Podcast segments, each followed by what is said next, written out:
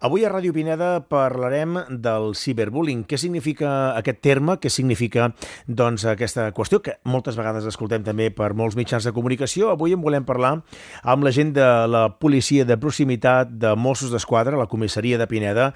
Avui ens acompanya l'agent Josep Pujades. Molt bon dia. Hola, bon dia. Bé, una paraula aquesta, la ciberbullying, que la sentim moltes vegades. Uh, ben bé, què vol dir aquesta paraula? Doncs és l'assetjament de tota la vida, el que passa que actualment els nanos el pateixen sobretot per les xarxes socials i per, per internet i pel mòbil. Això és l'assetjament que, que abans no sé si se'n deia fer la vida impossible o que eres la, la víctima eh, de la classe, eh, no sé Bé, si d'una sí. forma més sana... O... Sí, va, la van canviar per bullying, però és l'assetjament escolar de tota la vida. És aquest, eh, els companys que et fan la vida impossible eh, i que, i que t'agafen com objectiu per, per, per fer-te mal. Hi ha un perfil dels de nens, de les nenes que pateixen aquest ciberbullying. Ara parlem del ciberbullying que va en relació doncs, a això que podem fer amb el mòbil, però hi ha un perfil més determinat? Bé, sempre hi ha caràcters, evidentment, sempre es busca aquella persona... N'hi ha dos, bàsicament, eh? Hi ha el que, aquella persona que se la veu com més dèbil i que, per tant, com una víctima propícia, aquella persona que sembla que li faràs coses i que no contestarà, que no, que no, no s'hi tornarà, i després hi ha altre, altres casos que són al revés, són persones que són molt potents, que tenen fusta de, de lideratge i que hi ha un, un, un enfrontament entre dues persones que volen ser líders fins que una cau. I llavors aquesta és la que després, al moment que cau es rendeix, tothom va contra ell.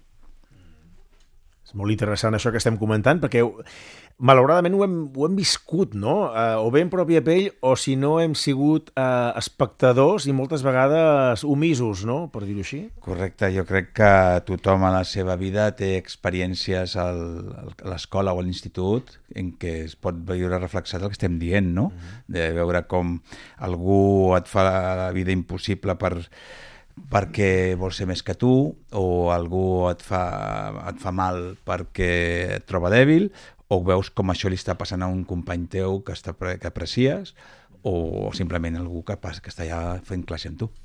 Bé, doncs anem a, a aprofundir en aquesta qüestió. Com saber si el nostre fill pateix uh, ciberbullying? Tenint en compte això, no? que moltes vegades uh, els mòbils permeten l'anonimat, no? el, el fet de, de, que no hi hagi a vegades una persona que físicament estigui allà, però que en canvi eh, sí que acabi cometent, podríem dir, aquesta, aquest fet, no? Com saber si el nostre fill ho pateix? Bé, és complicat. Els nostres fills no ens ho explicaran normalment. Hi ha pares que tenen sort, que tenen algun fill que els explica les coses tal com, tal com ragen, doncs no és el, el més habitual. Eh, els nostres fills, si estan patint un, un problema, acostumaran a callar, a no dir-ho, i per tant eh, l'única manera de que un pare pugui tenir eh, coneixement de, del que està passant és fer la seva feina, que és la d'anar vetllant pel seu fill. De quina manera? Doncs revisant periòdicament el seu mòbil, mirant que, que el, els, els pares tenen el dret i l'obligació de controlar tot el que fan els seus fills a les xarxes i, el seu, i amb els seus telèfons mòbils. Així doncs, revisar de manera habitual les converses, amb qui parlen, amb qui, eh, qui són els contactes més, més, més propers, eh, quines aplicacions utilitzen i, i amb qui fan aquestes converses. Que ara que parlàveu d'aplicacions, bé, n'hi mm, ha una pila, no? Algunes, malauradament, s'han fet tristament famoses justament per, per, per, per mostrar continguts d'aquest estil i per, i per fomentar-los d'alguna forma, no? Ho dic perquè moltes vegades els nanos, cada cop més joves, eh, tenen més confiança en les seves xarxes socials que potser amb altres missatges que puguin rebre d'una forma més formal, no? Sí, però a mi no m'agrada matar el missatger, no? És a dir, els nostres fills eh, utilitzen les, les, les xarxes socials i les utilitzen en la, en, de la manera que ells consideren. Llavors, eh, no podem dir que sigui una xarxa social la que incita a la, al, al bullying, jo crec que és més els, els menors util, aprofiten aquella, aquella xarxa per fer-ho. Posaré un cas. Eh, normalment els pares controlen les, les converses que es fan al WhatsApp, no? van revisant periòdicament els seus fills el que diuen i en qui parlen en WhatsApp per a veure si hi ha un, algun assetjament o alguna altra cosa. Però hi pensen que una altra, una altra aplicació, com pot ser eh, Instagram, on pensa que els seus fills només pengen que fotos, també es pot parlar. Llavors, molts, molts nanos utilitzen Instagram o altres com TikTok o qualsevol altra per, per, per fer les seves converses habituals. I no les fan per WhatsApp, les fan per allà.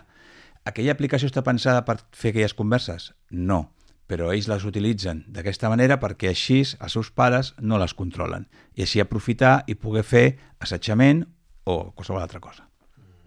L'assetjament és, molt, és molt habitual, el ciberbullying. Vosaltres que esteu treballant directament en aquesta qüestió o ho veiem més com a titulars que són molt cridaners i potser no és tan, podríem dir, majúscul el problema? Anem a dir que problemes de convivència són molt habituals que arribin al grau de considerar-se tècnicament un bullying, no tants, però n'hi ha.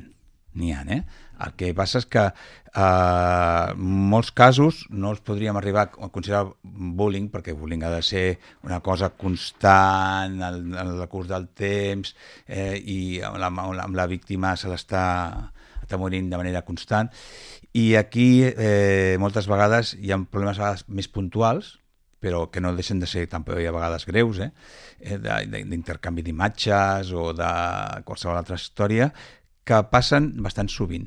Vull dir, és estrany que un centre no ens avisi un parell de vegades a l'any, eh, qualsevol centre, amb, amb, algun, amb una problemàtica relacionada amb intercanvi d'imatges, amb insults o qualsevol altre tema semblant a dins de les xarxes per part dels seus alumnes déu nhi això, aquesta dada que esteu donant. Ara m'estava llegint aquí algunes conductes que més o menys són els, els tip, bueno, la conducta tipus de, que fa referència al ciberbullying. Per, per exemple, veiem bé les amenaces eh, directes, publicacions que són ofensives, ho hem vist darrerament en molts titulars, um, continguts denigrants, no? fins i tot imatges doncs, que tenen voluntat doncs, uh, uh, són algunes de les, de les qüestions que més habituals, vexacions també, no? Sí, mira, els, els menors, el que ens estem trobant, eh, per exemple, és que agafen fotografies d'altres companys o de professors i les modifiquen. Uh, fins ara ho feien en Photoshop, ara comencen inclús a fer-ho amb intel·ligència artificial i converteixen una foto normal en una foto que es converteix en, un, en una provocació, no? Eh, no sé, els, els despullen o els fan prendre eh, eh, els, els fan més gordos o actituds que siguin més deshonestes eh, per intentar, suposo, provocar a vegades el riure, però sense ser conscients que el que estan fent és humiliar i, i a, a l'altra persona. Jo sempre no vull oblidar que la, la, els, els autors també són menors, és a dir, molta, la majoria de les víctimes són menors, però els autors també. I vull pensar que la malícia és relativa. Vull dir que moltes vegades no mm, s'ho prenen com un joc, anem a riure'ns, sense pensar en les conseqüències que allò pot comportar per l'altra la, per persona. La, la víctima denuncia, eh, o, de, o de vegades la persona vexada, no? Eh, fins i tot per vergonya, per por, no, no ho diu als pares, per por fins i tot el que pugui repercutir això, no? Això ha quedat clar que gairebé sempre arribem a, a descobrir-ho. Per què? Perquè moltes vegades aquesta persona, com dius tu, si denuncia, no, no ho fa, però sí canvia la seva actitud. Llavors, això també els pares haurien d'estar atents en aquest punt, no? Si vols que el teu fill, eh, que és una persona mm, alegre o, o, molt, o molt xerraire, canvia de cop i no xerra tant o no riu tant i està passar temps com diferent, eh, és el moment de començar a revisar les seves xarxes, per fer alguna reunió a, amb els seus tutors, etc per veure si està passant un cas d'assetjament, perquè és quan, quan, quan es nota, però ells no t'ho diran directament, però hi ha sempre coses que sí que ho, que ho mostren. Ara estava pensant, eh, a, a partir de quina edat es pot passar això? Ho dic perquè a edats molt de, de nens ja no de joves, estic pensant fins i tot en nens, no? Mm. Doncs eh, comença a passar als últims cursos de primària i és bastant, bastant fort els primers cursos de secundària. O sigui, jo crec que abans és massa, massa, massa aviat i després comencen a tenir ja una mica més de cap. Eh, jo crec que és aquest període, els últims anys de primària i els primers de secundària, en els quals es passen més, més problemes d'aquesta mena, dient, eh, de, en el que jo crec que, la, que tant la víctima com l'assetjador la, com estan allà en una, un període que no saben ben bé què està passant. Bé, ja per anar acabant, aquí demanar ajuda. Ho dic perquè moltes vegades sabem que tenim doncs, eh, la, la família, no? Però si la cosa hem d'anar una mica més amunt, aquí hem de demanar aquesta ajuda. Al moment en què descobrim qualsevol fet que podria ser motiu d'un assetjament als nostres fills, eh, de, eh, nosaltres recomanem sempre, sempre parlar primer amb el tutor i l'equip directiu del centre on van els, els nostres fills, parlar amb ells, explicar-los les, les sospites o els indicis que tenim, a partir d'aquí amb ells valorar a veure eh, què, què es fa. No? Ells, ells fan, obriran si consideren un protocol d'assetjament al centre i si tot això no quedéssim satisfets, tenim l'opció sempre d'anar a inspecció d'educació, i a banda d'això, eh, nosaltres a la comissaria de, de Pineda o la d'Arenys, si ens estan escoltant, eh, també estem nosaltres per atendre'ls, per escoltar-los i mirar si hi ha alguna cosa que podem fer. Això acaba passant en alguns casos, eh, sí, potser els sí, més sí. greus, no? Diguem. tant es venen molts pares a parlar amb nosaltres perquè tenen sospites o perquè consideren que no estan d'acord amb el que s'ha fet fins ara no estem d'acord amb com s'ha solucionat el, el problema, per dir-ho així, no? Eh, això mateix. I això pot acabar amb denúncia, perquè de vegades estem parlant de, de nens, no? Els, els, els propis eh, acusats, no? Diguem. Com tot, depèn de la gravetat del cas. Eh, eh, insisteixo que nosaltres volem tractar sempre tant els, les víctimes com els autors com a menors que necessiten ajut no, els, els, els, menor, els altres menors eh, són menors i ha de, hem de pensar que tenen possibilitat de, de recuperar i d'endreçar-los cap, a, cap a un bon camí. Eh, si el tema, però, és prou greu i té prou entitat, la denúncia s'haurà de fer igualment, encara que després també els vulguem ajudar. D'acord? I eh, va a bon port moltes vegades aquesta qüestió, dir, perquè no sé si podeu fer un seguiment de les qüestions que s'han eh, tractat i si arriba a un bon port, no? Diguem. Doncs jo crec que sí, jo crec que sí, eh, vull ser optimista. Eh, no totes les puc fer un seguiment exhaustiu perquè tinc molta feina, però la, poques vegades hem, ens, ens trobem en què se'ns repeteixin les, les circumstàncies. Eh, hem tingut alguna víctima que ha repetit, però no és l'habitual. Doncs avui hem volgut tractar aquesta qüestió a Ràdio Pineda. Estem molt interessats eh, en aquesta qüestió que està, vaja, que està molt, molt a la, de manifest, eh, malauradament.